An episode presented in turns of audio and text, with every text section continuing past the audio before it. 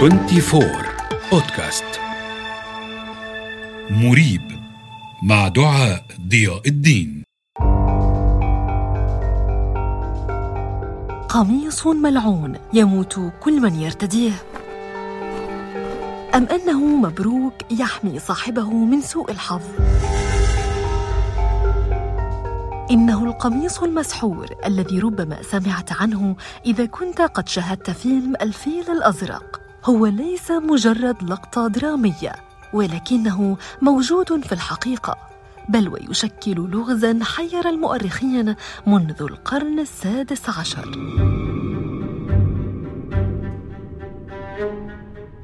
للوهلة الأولى يبدو القميص عاديا إلا أنه ضخم الحجم مصنوع من أجود أنواع الكتان.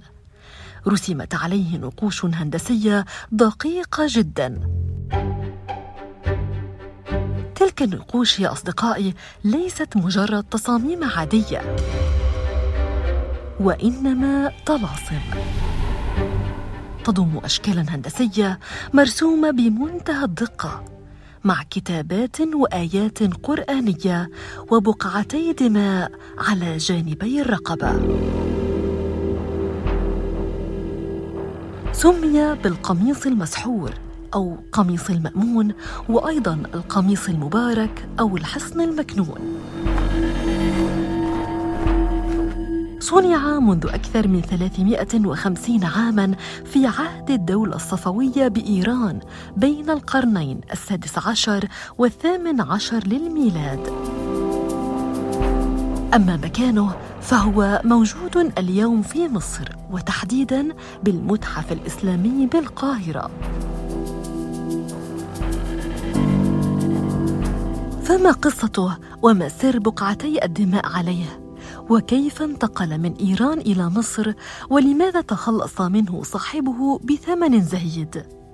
أنا دعاء ضياء الدين وهذه هي الحلقة الثانية من بودكاست مريب وسأروي لكم الحكاية من البداية.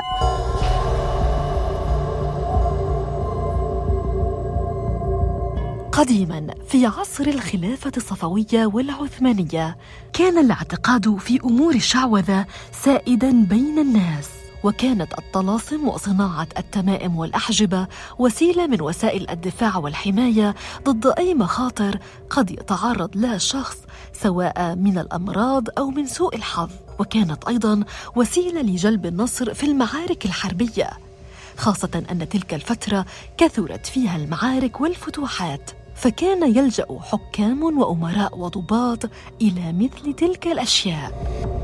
كانت هذه التمائم يا أصدقائي عبارة عن قطعة من القماش أو الورق الأبيض يكتب عليها المشعوذ مجموعة من الطلاسم. لكن هذا القميص الضخم بطلاسمه الغريبة أثار اهتمام ودهشة الباحثين وأثار فضولهم للكشف عن صاحبه ومعرفة قصته. وبعد كثير من البحث والجهد وجدوا أنه يعود للشاه صفي الثاني بن عباس الثاني وكان يعرف أيضا باسم سليمان الأول. كانت فترة حكمه بين عامي 1666 و 1694 اشتهر الملك صفي الثاني بالسكر والعربدة وفشله في إدارة الدولة. وضاعت في عهده حدود الدولة الصفوية وكثرت المجاعات والأمراض. وبسبب كل تلك المصائب والفشل لجأ لأحد المشعوذين ليجد له حلاً. أخبره المنجم أن السبب وراء ذلك هو أن اليوم الذي تولى فيه الحكم كان منحوسا بسبب أن الأجرام السماوية كانت في حالة تقاطع وأن الكواكب كانت متعامدة. انخدع الملك صفي الثاني بكلام المنجم حتى أنه أعاد مراسم تنصيبه مرة أخرى في تاريخ مغاير وصنع له المنجم حجابا على شكل قميص وادعى أنه سوف يحميه ويخلصه من كل هذا النحس في مقابل مبلغ ضخم من الذهب.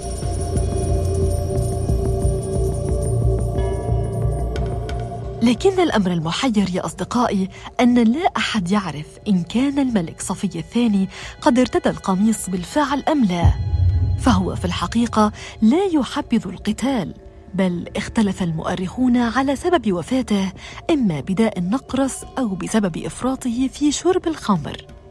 في هذا الوقت كان أمر القميص قد انتشر وحظي باهتمام واسع بين الأمراء والملوك وقيل أنه ارتداه عدد من الحكام في الحروب تحت دروعهم بغرض الحماية. ورغم الاعتقاد لفترة طويلة بأن هذا القميص مسحور وأنه حماية لمن يرتديه من السهام والسيوف إلا أن آخر من ارتداه قتل. والدليل آثار الدماء على جانبي الرقبة. ومنذ ذلك الوقت بات القميص لغزا.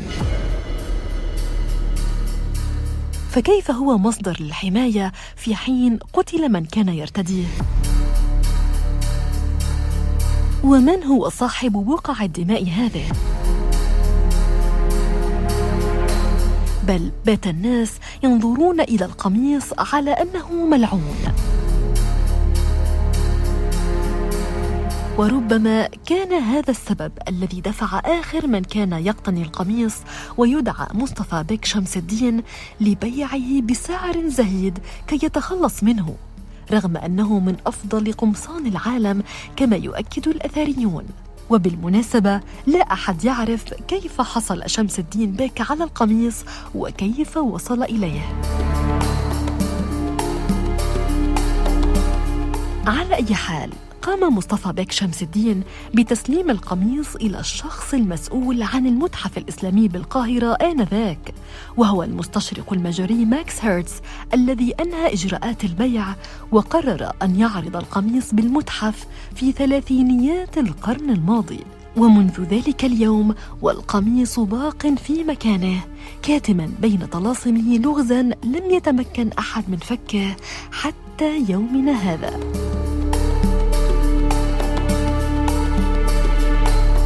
تماما كقصة أطفال سودر الذين اختفوا بشكل غامض في حريق منزلهم والتي سأرويها لكم الأسبوع المقبل.